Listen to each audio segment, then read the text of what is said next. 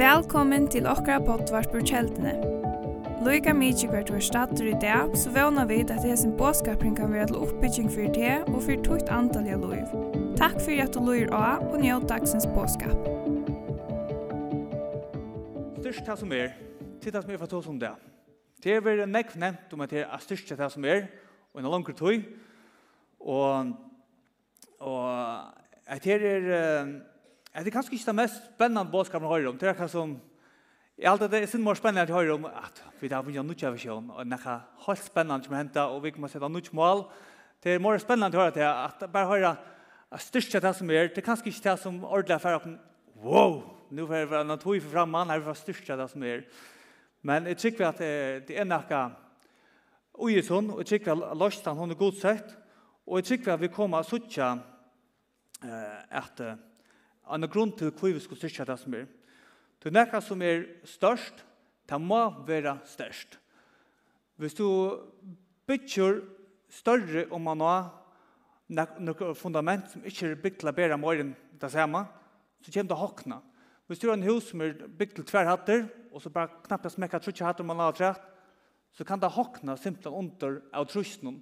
Her tror jeg det er en rettelig flott hus, og huset ser ordentlig godt ut, Men søylene som ber det, er simpelthen for vøyker at det ber å hakne undan. Og andre søylene, hun er også bare simpelthen brosten til det stender, så utrolig jeg var. Og Og jeg og Stefan, vi kom hjem fra det. Vi der var akkurat i Frankrike i arbeidsøren og her var han ordentlig gode turer. Og vi er hjemme tur, så får vi lykke en tur til, jeg tror ikke å si det, Louvre, eller Louvre, til, til her som Mona Lisa. Og jeg var ordentlig imponerende, jeg var, ja, jeg var garvelt, og hvordan jeg, hvordan slått det var. Men alt som imponerer meg, det var at du har en sånn større hestaskekvor, her som er bare som en borg, her alt er njøy, og så midt i havan, her hadde bygd sånne glaspyramider fra man nyr under jord, det var lukket inngången, og så hadde bygd sånne tunneller som var ut, ut i seg imenske byggingene. Jeg husker bare, oh my dear, man tårer vel, så byggingar som slår hundra gamler, og bæra ja, nokkra av hamsens mest durgribu virnun, eller durgaste virnun som er i heimunun, Mona Lisa, jeg prøver å google hun har vært i 6 milliarder, og 3,5 millioner løy. Millioner ble bare til piparnøtter, da man uh, har jo hvordan milliarder det verst. Og, og så husker jeg bare at man tårer for å grive i underhushusene. Husker at jeg vil stave rappa, hvordan alle ser bare milliarder virne til færre for skjøyte. Og her man bygd nekker alvorlige kraftige støtter som har klart å bore alt det helt i øtlen oppe. Og jeg tykker det er på samme måte andalige at uh, hvis vi skulle hvis vi skulle bygge, bygge størst uh, andalige så må vi ha noen rettelige største skjøyler som klarer å bære det. Og, og jeg tykker vi skulle styrke det som er. Jeg vil tenke at her støttene som det her var langt nå, og vi bytja en egen sysjon om der, så at vi kunne komme klare å bære nekk mer enn vi bærer det. Og jeg er ikke sånn at vi som tanker vi skulle vekse ved styrke. Vi skulle ikke bare vekse kjøtt. Vi skulle vekse ved styrke.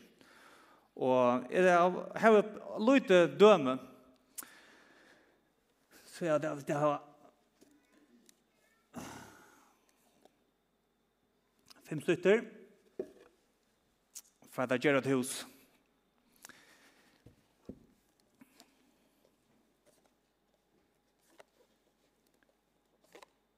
Vi gjør ikke noe lyd i huset, bort. Alle det at hese stuttene for å klare bedre etter tætje, Ikke problem. Ikke problem. Så spørningen, hvis vi får bytte ut på det, sier at jeg skal klare å bære meg på denne veien. At jeg klarer slett i forhøver seg å bære meg. Men hvis vi uten takker det som støtten her, og vi får styrke der, vi tar hva det så klarer å bære.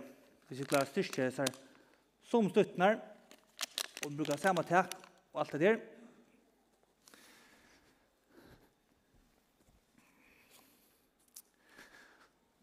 Så bygger det stuttnar ut.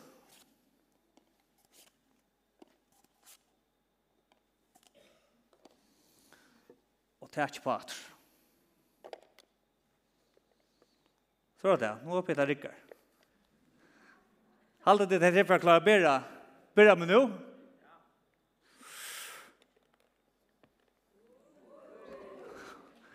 Yes. Yes.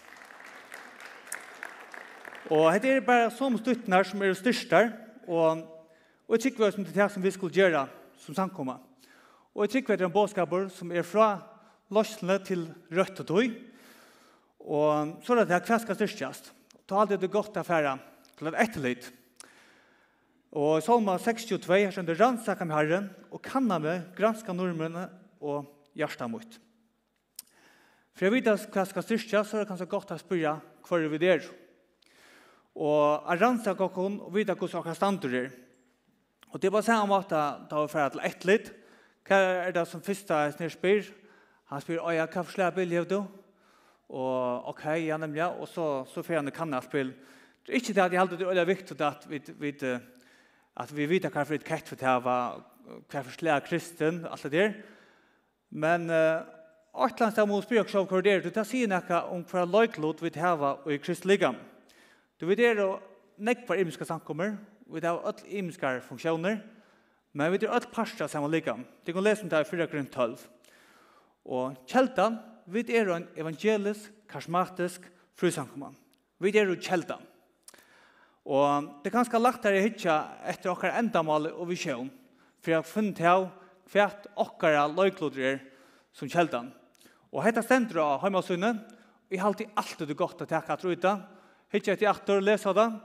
Du hetta sier utrolig hekk om hva vi er og hva for løyklod vi til heva som samkomma. Og okkar endamal er noa mennesker i evangelien om Kristus og vi hans kraft. Så mennesker vil ha frelst, lost, grøtt og sett i stand til å tjene herren og gjøre Jesu lærersvunner. Vi vil være et andalt heim her mennesker får føyer godsåret og høver tjene og såleis veksa og gjøre stersk bei antallet og salalega. vi visjón er kjeldan skal være en andalig mytepil for alla farger, og at mennesker i alle landen skulle komme og oppleve Guds vekjengranda og kjeldene. vi visjón er at kjeldan skal være en Guds kraftkjelda som fløymler ut til alt okkar land og folk som mennesker og landet vil ombrøyt. Jeg har alltid en utrolig fantastisk visjon og et endamål, og så kommer vi til ett litt, spør jeg hva utfyller vi av oss nere tingene. Og jeg aldri vil utfylla rettla nekvad. Vi er jo rettelig strategisk plasseret i. Vi er jo i skalabottene, som er nesten midt i fargen. Og, og vi er jo, og på den måten så kunne vi virke til en kraftkjelde til alt fra land, vi er jo sentralt plasseret i. Og vi har reglene møter for bøttene, ungen og eldre. Så vi er jo, vi er jo sankt med oss lærer folk opp og i godsåret. Det er jo som parstrar akkur enda malen. Og vi drar en sankoma i, i Vøkstre, kjalt om, så ikke vi da plass for nekvna treet. Vi tar en fruskola, en kristne fruskola, her er vi til at lære bøtten opp i, i godsåret, og bytja gauar borgare som hava, hava lukkast av kristna som er grundarlega for livet.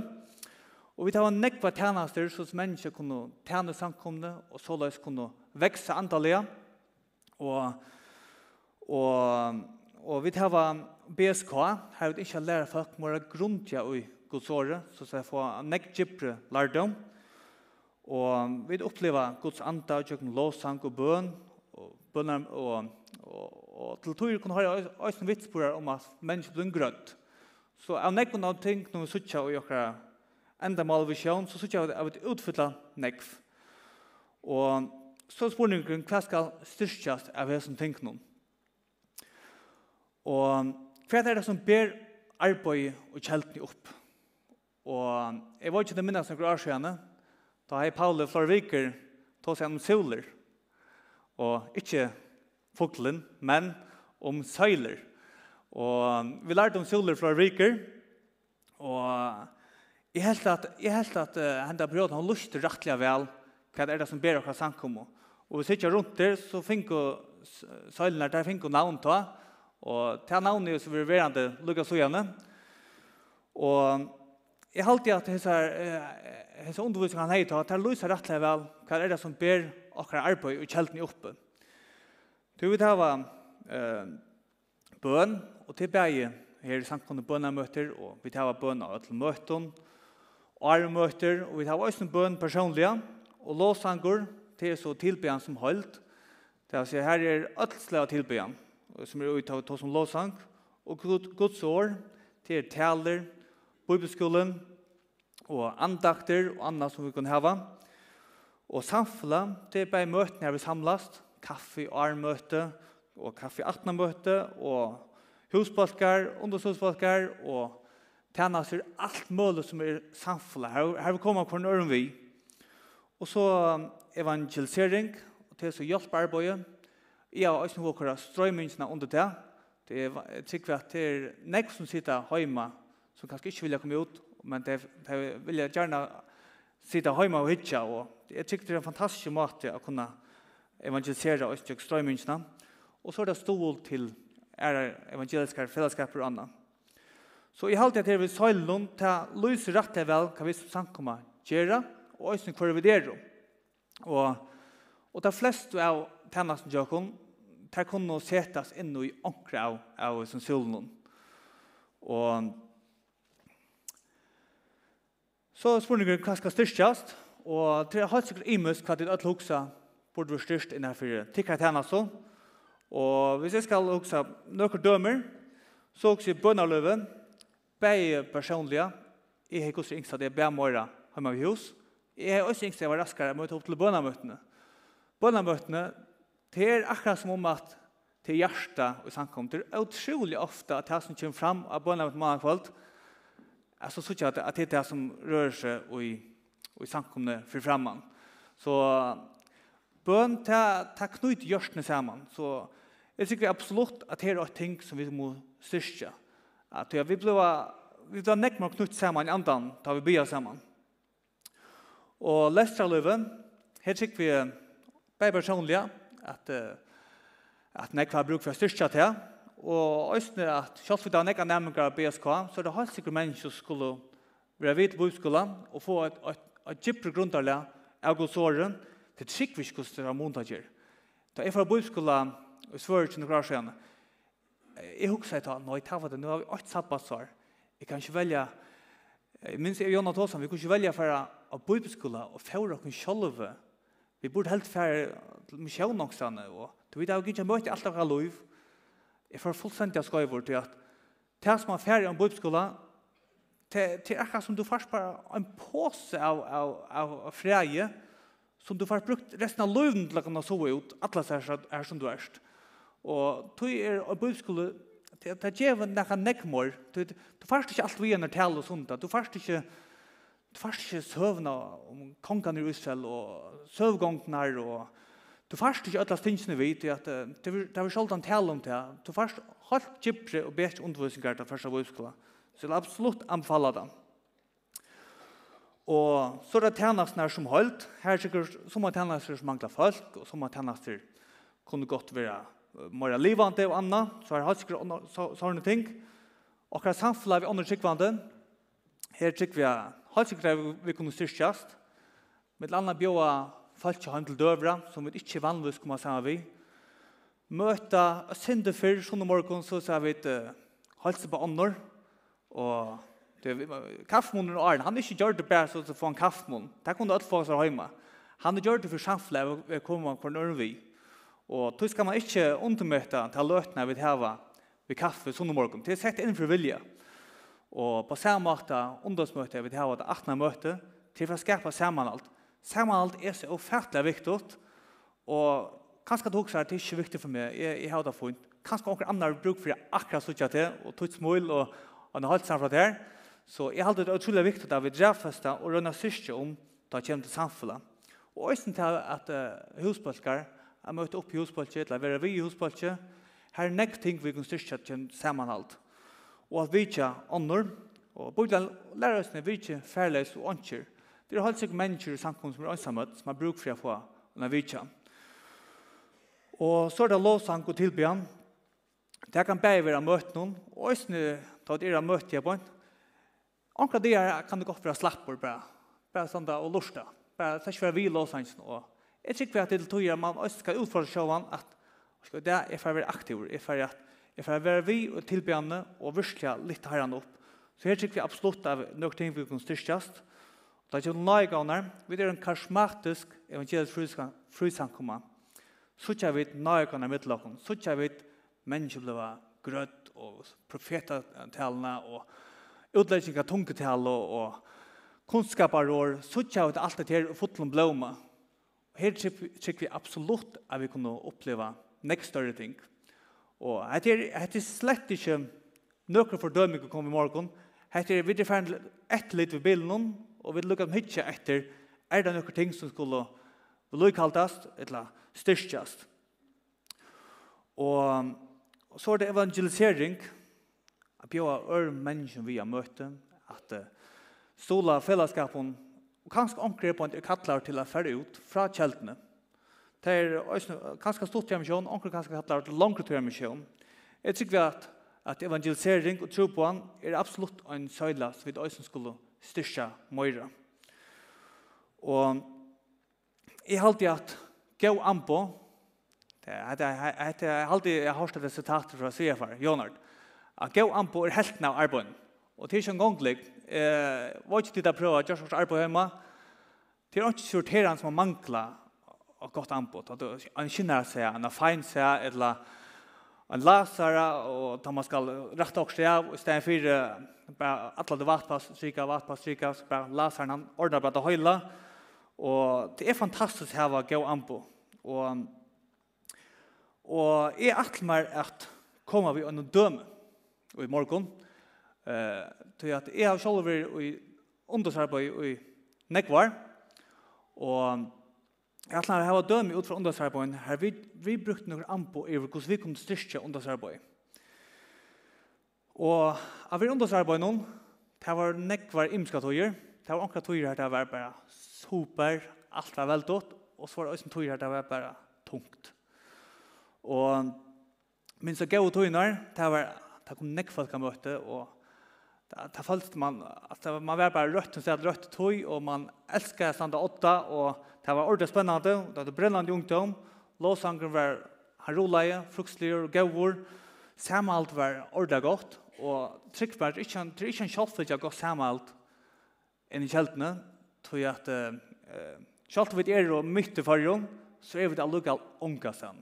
At vi er i skalabåtene, alt må køyre til, aller fleste, og Og da man oss arbeid, til det er fast med korrekort, så kom det inn og møte, og kanskje foreldrene kom og hentet deg, kanskje akkurat for kjøtt, og så holdt de med at man møtte og li, så var det tømt og og man rundt jeg fått opp av rikka og samalt, men det var ikke alltid at det var en kjøttfølge, så det er godt samalt der at ungdomsmøte, ta er det, det er altså ikke for små, og tog, tog modet, tusen takk for alt det som gjør alt 18 av veik, og vi, vi grill og ötlen tog, her er alltid fullskra at nå undersmøtene, det er godverst for å skapa samal, det er ikke lagt av å samal det rikka eh, inn i kjeltene Det er ikke så alt bare kun geng inn i, så det er mega viktig. Og så har noen tog jo, da har alt kjekk godt, det var vært fantastisk å løye. At uh, ta var lukka med mor reipa, ja, nei, er ja underspastor for undersarbeid, da har man lukka stolt av det i orlaskek, og alt det der. Og, men så er det perioder der det bare tar tungt. Og tjenestene var et eller annet gjør, og de som var tjenestene var, det var trøyt. De kom få av møte, låsang, han var tungur, kanskje bare en gitar, og ikke mer, alt godt med gitar. Men det manglet alt, det manglet bassur, trommer kanskje, og alt det var bare tungt, og det var, åh, det var ikke stått sånn av fire. Og det var også tårne perioder, og, og jeg minnes vel i enden av, av 2019, ta ta hade den där perioden hon var hon var sent tung. ikkje ikkje en av de mega tung men hon var nok så tung period og og minns av flöj under så det var med og det var akkurat som følte bara sträva og og flöj att de tjänasten var rundt de manglar folk og de kommer sjönde til under så och vi manglar folk her tungt att fighta rikka, vi manglar vi manglar ösn folk og Oh, jeg minns at jeg kjente meg luttland og jeg var, oh, Sjalaj, jeg er ikke ikke standa åtta for sin nu. Jeg har kastet lucka som kan noen annars bare heva høvsabbordene. jag kan, jag kan være hjelper i øysene, men det är inte någon annan kan høvsabbordene. Du tar et ikke stortlare løyer, ta ta tyngden hvor kvar tungt. Og jeg minns ikke akkurat hesa brøtene, men det var nok langere etter enn det. Da vi hadde de tunga brøtene, minns jeg spurte spurt. Altså, hvordan skulle de gang heva veik? Er det nei til ungdomsmøte? Vi tar heva ungdomsmøte. Det er Tid har hørt låsangen der. Låsang han rullet, og han var gøver, og alt. Altså, etter låsanger som øsne ungfolk dama, og er ikke nok bare alt for en sonde. Og, men jeg tror virkelig at det ungdomsmøtet er et mega viktig her. Ung samlast for seg, til at ungdommer fyrir som ungdom, ungdommer er. Og, og til at du hever til 18 møte er gudverst. At du hever så tog man alltså. Vi vill säga att avväg ta ändar sin nye på inte en ta fortsätter ut i kaféerna. Aveik er et tiltak med från klokken 8 och vånan till klokken 8 2 om natten. Här ungdom kan ordla hon seg sammen. Och vi var en vi var en gøy ungdomslagsla. Det var vi. Men vi var bare, vi var bare med utskott av av av imskon av bjönkon. Och minns jag hoksa hur så får vi litt av upp hur så får vi Du kan så vent gongtene. Og så minns jeg at vi hadde en fond. Vi hadde en fond, her vi satt og, ok, nu, vi pleier ofte kalla det at takka feberen, og ta alltid det, ta øyde den. Og her må lukka som setter år av lynsene, og tek feberen av hva er vi, hva, hva flauta vi, og vi setter år av, minns jeg at kom, la oss setter år alt som skjer. Alt ble nevnt, akkurat som, mangla tjenas, folk i tjenas nere, onkur var mor, onkur var trøttor, og mangla folk av møte, det var nek som ikke møte opp, og nek for ung, de først jo løse eller bo heima reglelig, det var øyneste føring til fingerkjøkken av vik, og det var inni av møte. Onkur har også, vi burde haft back to basic, det var hava undervisning som var mer grunnleggjande, det nek kjente seg ikke bibelsøvner, som var jo i, i bibelsene, det var vanlige bibelsøvner, og mangla unge i ungdomshusbalkar og størskar skjermanhalt, 18 møtene. Jeg, jeg minnes ikke alle tallene, men dette var kanskje noen dømer at det som kunne være og sin tungt av periodene. Og lovlig av låsang, og som var unge i låsangen. Og det var også seg selv, bare til å kunne sette året til innsene, det var altså hjelpt vel. Akkurat som man blakket ut, kortet opp av pyr, så er det ut i høttene. Og hatt lukka som det første anboi ikke at vi skulle hukse om at bare sette året av det og beskrive det akkurat som det er det som er strevet tungt. Og så hadde vi et neste fond og her skulle vi finne ut øtlene printet av visjon akkurat som vi løser gjerne enda mal visjon og så minns jeg at nå får vi det fantasere vi fantasere innenfor visjonene og okkara endamal. De kunne drøyme om alt, men innenfor enda nere i kassan, du heter det som vi som sankummer kallar det til, heter okkar oppgave. Og hvordan kunne vi nå få gjort alle tingene bedre? Her kommer en rikva gøy og nåskotten. Og det ble drømt på en vei og annen vei, og det var fantastisk. Og, så, og ut fra alle tingene som ble fantasere om hvordan vi kunne gjøre det bedre, så kom vi til den nye støv, ok, det er vi til var aller viktigast å få på plass først. Så vi satt, vi velger åtte ting, bare åtte. Alt hit må så gjøre, så velger åtte ting å fokusere på det. Og det var det at, at akkurat unge, de løs og bør ikke hjemme reglene. Altså, det kan ikke generelt, men flere struttes vi at lestere bønnerløve var ikke så stabilt. Så at, ok, la oss ha fokus på det, at vi får simpelthen fokusere på hvordan vi kan få at det er rikket bedre, til ungdom. Og så ble alt hitt lagt sujus, samanhalt og morfolk og tjenest og alt for det, til løtt til sujus. Og så kom vi til vi en møtre, og hun er øynløgn. Jeg var ikke noe minnes av møterøyene. Hun var det, hun ble for langt, men hun, hun skulle først være alltid ta fyra viker. Og vi vet akkurat finnes ikke heftig heft i. Så dette var en, tema som handlet om øyn til øyn til god, og til god, og en til øyne vi kan annan. Så sett vi fokus på at dette var bare fokusere på hvordan kan vi røyne få folk å få en til øyne forhold vi god, og en til øyne forhold vi en annan vi oppfylging. Og nok så, annars, apropos oppfylging, nok stått stortla sånn, da blir jeg ta, og sånn nå hvordan det vokser, og hvordan godt det vi gjørst. Og det er også noe som absolutt kan vimmela folk til å og gjøkken oppfylgjere efter, tror jeg at jeg har også hatt folk og oppfylgjeng, det gjør også nek for den som hever det, så absolutt nekka som kan anfallast. Og minns jeg henne møter henne, hun begynner i byrjan av 2020, og, og så, så begynner vi, minns jeg hei sjåver det første møte, og leie til fram, og satt du hva vi ha for fremme nå, hette for okra fokus, og i enda av møtene så leier fram en avbjøring. Og så du, hva sier det? Vi får gang til avbjøring, vi får lese en kapittel om dagen og fem minutter bøn. Og vi valgte å lese i Matteus, tog at han var 80 kapitler. Det var simpelthen en praktisk årsøkken. Tog jeg forrige vi grattene, så, så alltid Paulus skulle ha en tale, og så satt vi, Arjen Paulus kommer tale, så har vi et lese Matteus. Og Og det var ordentlig for vi på det. Det var flere til rett hånden opp, det vil dra gjerne vi og vi just ned. Og, og så blir vi. Og fuck for å hjemme, og det blir vi å sette vekkeren, trykk meg dit fem minutter, og i intensere bøn, det er ikke langt enn dit kanskje kjøter på fjerde. Prøv å få hjem og sette set en timer i fem minutter, og bli så ut i åkt. Og tar ikke så popcornbøn, og så lukker jeg vask opp, og så atter en popcornbøn. Bli ut i åkt til fem minutter, og Du får oppleve til at du kan faktisk bli for rettelig nekvån på hans fem minutter. Så, og dette var, jeg minnes på at det gav og færdelig energi. Du har vært målrettet, ja.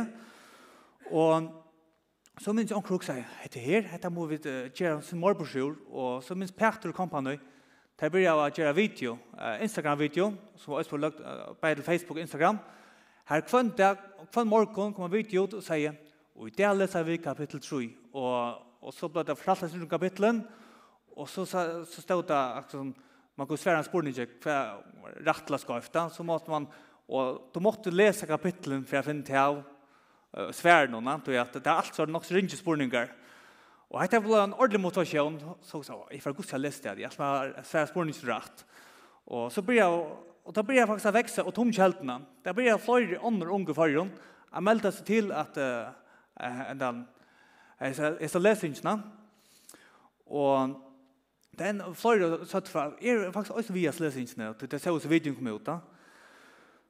Og det gjør det så utrolig godt med Laura unge. Og vi som undersøkte, vi fikk nytt møt, og det er noe arbeid vi malrakta, og vi så knappt ja, at det hendte noe, det kom urslut på 7000 arbeid vi. Og vi blir bare mer, nek mer effektiv, allt hit rundt om som vi manglar å få folk tjenester, og det er bare, det kom bare via venen, det er akkurat som vi finner orsko til det høyla. Og da vi narska oss at nå, hese forrige vikna har nasta enda, da kom det onkel akkurat at du, altså, vi kan ikke stekka nu, vi må fortsette. Vi kan ikke stekka ved å lese bare, bare Matteus. Og så, så minns, ok, fint, så forlangte vi det, hese, hese, hese, hese, hese, hese, hese, hese, hese, blod all åtta viker, så tog vi apostlasøvn og øsene. Og så tog vi all løs apostlasøvn sammen, og da rørte meg hver morgen som underslærer ikke seg, en ungdom som leser og byer, at det var bare, åh, det var fantastisk, det var fantastisk å oppleve, det er unge, det er løs og bo vi hus, det var så at de kom sammen og møte, det var langt å gyre opp, det var langt å, det var langt å klar. Og det var klart til at nå skulle vi ha det neste kapittel i øyn til øyn. Vi skulle lære mer om Guds ord, og det var simpelthen on fire. Og at det viser bare Guds øyn kapittel og fem minutter bøn, Guds ofertelige montager, og det gjør mye nytt. Det er akkurat antallet av føye. Det er det som ja, gjør oss styrke.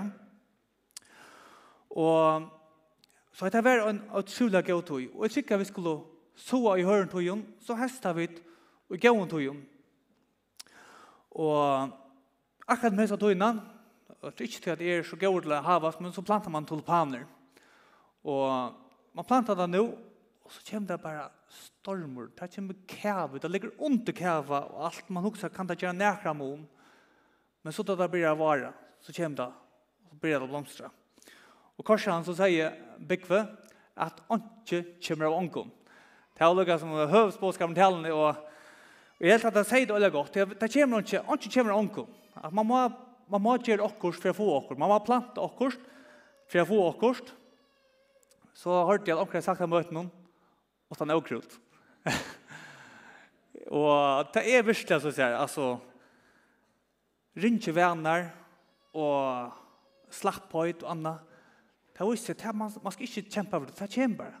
Okkurst, det kommer bare. Og det er så strevet, Og i kan det føles som det til pura avtidje vi avkjøte, og at alt som man det gjør Gjørnga Mån til er avkjøte alle sammen. Men jeg tykker at det er viktig å ta det her at vi blir vi. At vi blir vi av sova, og vi blir vi at hva er avkjøte vekk? Blir vi at halga oss, blir vi at lukka som sorterer vekk til dinsen som er høyre og streven. Og 1. Korint 3.6 stendur, er planta i, Apollos vatna i, men god gav vøkst. Det er ikke sikkert at at selv om tusen år er ikke at det er tusen kommer suttja ørselig ut. Men først kan man gå sova og så er det bare en lengt bråta og så ikke finner noen året nå så sier man ah, nu vet jeg det gav mening. Nu vet jeg det gav noe godt. Tyvärr må man bo i noen år enn man ser det. Og jeg må si, jeg bruker et undersløsning i det. Vi har en fantastisk ungdom i det. Vi tar vi tar ikke bare nekka løyer, men vi tar nekvar ungdomsløyer. Vi tar ungdomsløyer, vi tar ungdomstjenestene, vi tar nekvar tjenester som blomstra, og vi tar nekk folk av ungdomsmøte, vi tar gav lovsang, og vi tar størst samanhalt, selv om det er i skalabåtene, og vi tar en andalian og, og vaknan ungdom, og en ungdom som tykker visjonen av tilsyn. Og det er ikke en sjåfølgelig Vi tar en ungdom som samme visjon som til eldre enn vi har hava skriva nye og hava sagt etter akkurat visjon endamal til akkurat ungdom til tilsyn. Og det er ikke en sjálfvits. Det er fantastisk at vi da klarer å finne først til vujare, at jeg vil bæra vujare til samme visjon, til kall som vi som sankum her. Og at Lukas med videre kjeltan, og vi vil utføre akkurat part av Kristeligam. Og ikke halte til at jeg gjør gamle undersnevntene lukket som ærene for alt det som vi sier det. Men hva er det hent om vi sier til vorska orskesmål. Jeg gjør gamon og jeg orska sovamål. Hva er det hent om vi sier til vi færre heldre sundagsmøte. Vi prøver ikke vi prøver ikke ha undersmøte i østen. Det er nok bare å ha sundagsmøte.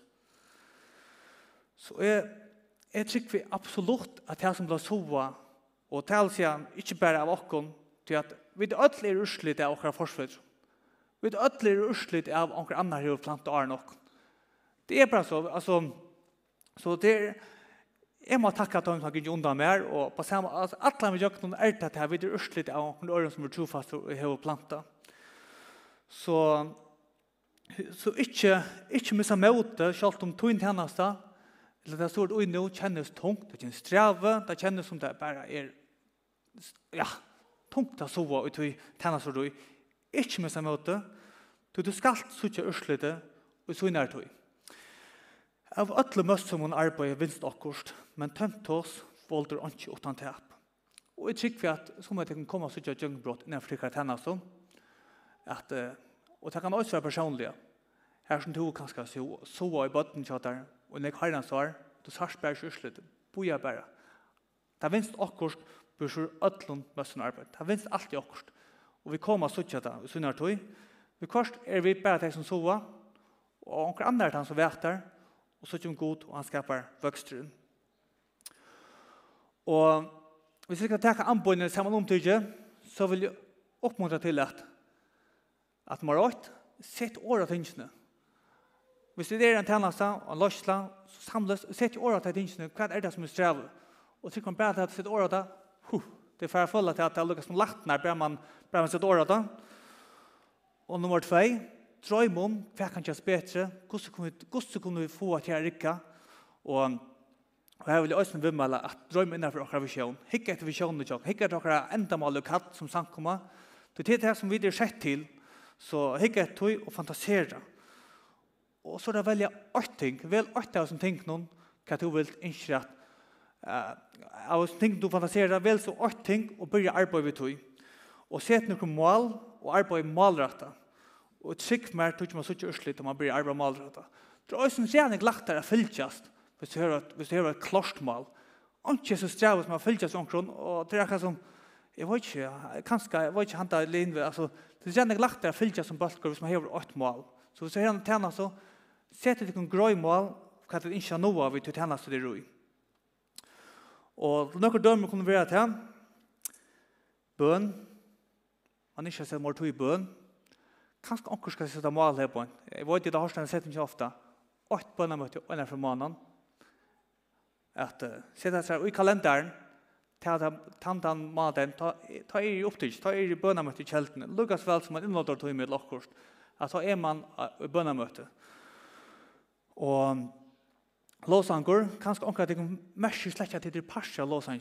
kjeltene, det er bare, åh, kanskje skulle ditt arbeid, vet du, kanskje røyna utfordringen, prøv litt hendene, og prøv å blunta, hvis du ikke tar litt hendene, prøv, prøv bare å blunta med låsangene, og, og bare fokusere på herren og låsangen. Kanskje lort av låsangen hjemme, takk av imust. Guds år, for omkring kanskje Guds år blir det blir nok så deadlet, eller torreslet, byrja og sett mål hos du atler lesa, etla førna BSK, det kan være lese i atlan, kanskje at du setter fast torspunkt av det noen, Hatt her er løtande lese, for omkring, jeg tror ikke å si at nær det skal være, som er, som er morgenmennesker, som er B-mennesker, og, og det må være opp til tegn når det passer best å lese. Men at du atler for fast torspunkt når det rikker. Og sammanhalt, Og her sikker vi øyne at det, det må ræfestast, og jeg vet at vi er øyne imisk, som jeg er øyne utadvendt og elsker å møte mennesken og andre ikke. Men jeg sikker at vi har bruk for å møte hverandre, og det er bruk for å møte som samkommer. Og jeg sikker vi må ræfeste til at lømmes husbalk, jeg møte og er møte. Pjåfalt kjønn til døvra, jeg har finnet flere viner, eh, ta i vidt jeg og Jonna Arne fikk bøtt for, så hadde det alltid bjøve følelse bare hjem til åkken døvra. Øren unge på høren, bare bjøve hjem til døvra. Og vi får ålen, ikke alt døvra rikker jeg, men samme aldri rikker jeg. Det ble ordentlig godt. Og vi bjøve også følelse som vi ikke kjente så øye vel. Bare for jeg kom i kontakt med andre mennesker. Og, og til gos gjør alt som jeg kan anfalle. Prøv å bjøve følelse hjem som ikke er, er det tattast.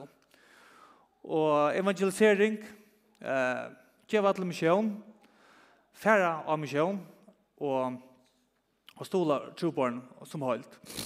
Etla kanskje bara bjør folk vi gjennom møte. til er jo seg selv større evangelisering. Men om du får ta og hok om alt det der skjen, at i alt man gjør alle tingene, at man gjør alt bedre, så er det kjøtt man går trøtter, og bare, at det klarer ikke ikke roma. Så jeg vil anfalla vel til åtting og arbeid med av tog. Og Jeg har ikke å gjøre en morgen til åkken som er her på. Tog at jeg sa ikke veldig rikket til undersarbeid, og jeg vet ikke hva tid er da. Jeg gosser kan godt ha hava, jeg minns at jeg var tar hver yngre så også at om man er eldre tar ströj man så ströj man så angat vi har lesa tog jag att de som er eldre de er orkar alltid opp morgenen de er alltid vakna alltid tulja og alla sier tingene men takk for denne så tror jag att jag ringt av finna tog Det er akkurat lukka ringt å finne tog å lese nå enn for 20 eller 20 år siden. Og jeg tykker ikke at det bare er som alle slags. Jeg tykker at det er andre her som også har tro på til å finne tog her man leser og bruker tog å bygge. Så jeg ønsker ikke en erbjøring her til 80 dør erbjøring om fyra viker. Her vi bygger på apostasønene. Vi leser en kapittel om dagen. Det er også hette til tog som ikke hever en fasta fasta, fasta leser nå og brukar fem minutter i bøn, og jeg tror det blir som setter vekkere, selv om du kan huske midt i bøn og setter vekkere, så hvis du ikke livet, så blir det bare vågjere. Men trygg meg, du får opp det at fem minutter er kanskje ikke langere enn du helter, og det er gjerne noe fantastisk til at du brukar fem minutter i bøn. Det er flere brøyder, ja, jeg kan vittne det, og i flere ungkvimmer som kunne vittne at en kapittel der er fem minutter i bøn, det gjør underversk. Og om fyra viker og fyra dier, ta er Carl Gustaver og ikke undervisa om apostelsøna. Det er å si at om du begynner å lese apostelsøna det, så lever du sundagen om fyra viker, og høstdagen etter at det, så kan du ha en grundig undervisning om apostelsøna. Så jeg halte dette kan være gøy begynnelsen til at uh, hugsa, ok, fint, nå begynner min løsnaver, jeg er alle begynner nødjon, jeg er meg at uh, her var lukka som at uh, mora stabilt bønner og løsner luv. og Og man kan meldes til en, bsk.fo, og sørst her først, nå høstet så du kan også bare melde deg til i det. Annars, er, jeg håper jeg kan bli erbjørn som flere for at jeg under vi, hvis du ikke har et, et stabilt bønnerløv til.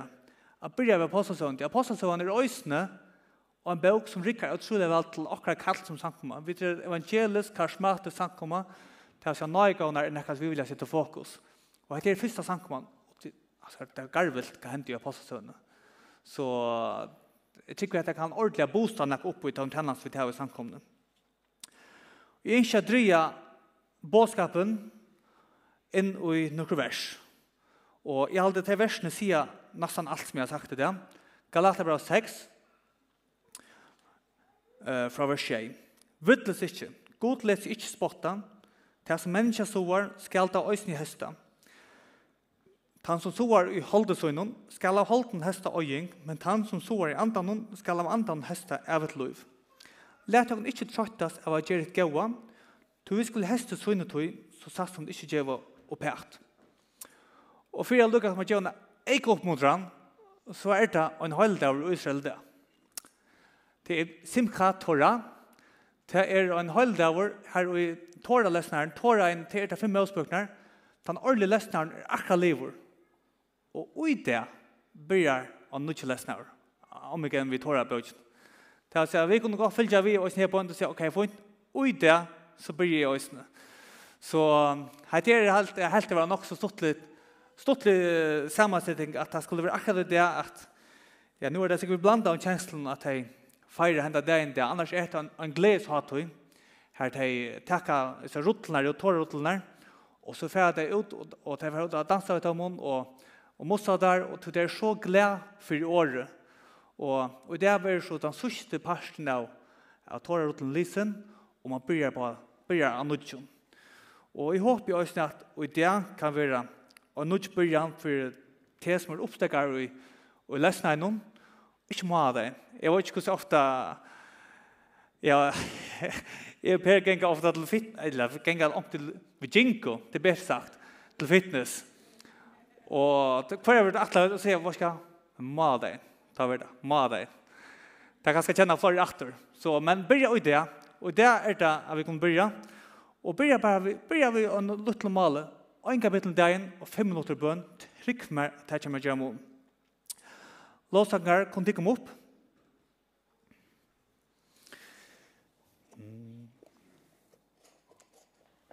Så. So. Vi er kommet til, til enda nå, og jeg trykker til at, at Lorsland, Tjokkon, hon er godsett, hon er sett av gode, og jeg trykker at jeg tar få en båtskap, så er det også en godgjeng båskaper. Og jeg styrker det som er kanskje lever ikke spennende, men jeg trykker at jeg tror at det er noe mer spennende for fremman. Hvis vi skulle bedre nekka nek mer som samkommer, så må vi styrkjast. Hvis vi skulle vekste som samkommer, så må vi styrkjast. Vi kunne ikke bedre mer hvis vi ikke vekste vi styrkje. Så jeg tykker vi at det er en bådskap som er til togene, og, og, og jeg tykker vi at, at vi kommer oppleva at, at vi kommer å veksta nek større. At vi kommer å være bygninger som er kommer bära nekmor enn vi bär det. Men det krever til at vi, at vi gjør gör ett litt, og at vi lukkes finne til hva er det som jeg skal styrke. Jonkna at jeg kan godt begynne å spille. Jonkna at jeg er det kanskje personlige ting som må styrkes. Og jonkna at jeg er det ganske en tjeneste som må styrkes. Et eller annet løgloder og en tjeneste som skal styrkes. Men jeg tykker ødelen for at det er godt at vi som sagt må lort etter løsene og så, ok, Hva er det som jeg skal styrke? Er det noen ting personlige? Eller er det noen ting og min tjeneste som jeg skal styrke? Det er sikkert vi kommer inn i en tog som blir rettelig spennende. Hikker noe om åkken, altså krutsch og lentjøyt og alt, altså, det er jo nok som Jesus spenker på ordene hver løt. Altså, det er, vi skal si at det er verdt, men det virker bare som det henter så nekv. Og mennesker skrutcher til Jesus. Det er sånn at alle sånn, altså, Folk løyder alternativ nettar, alternativ hattar, og jeg kikker vi som sankumma kommer å være en lykjel for nekk mennesk. Vil du kalla til det? Hikk etter visjonen sjong, vil du kalla til det? Så vi vet at vi kommer å sutja det. Men hvis vi skulle klara, klara bæra det, så er det utrolig viktig at vi styrkja oss. Og vi styrkja det som er. Så gjør det etter litt, sett året til trobeltingsene, drøy mun pusta kan styrkjast, vel åtta hos tenk noen, og setar åt mål. Soa, soa og soa og ikkje trøttast. God, han skal skapa vøkstren i sin Amen.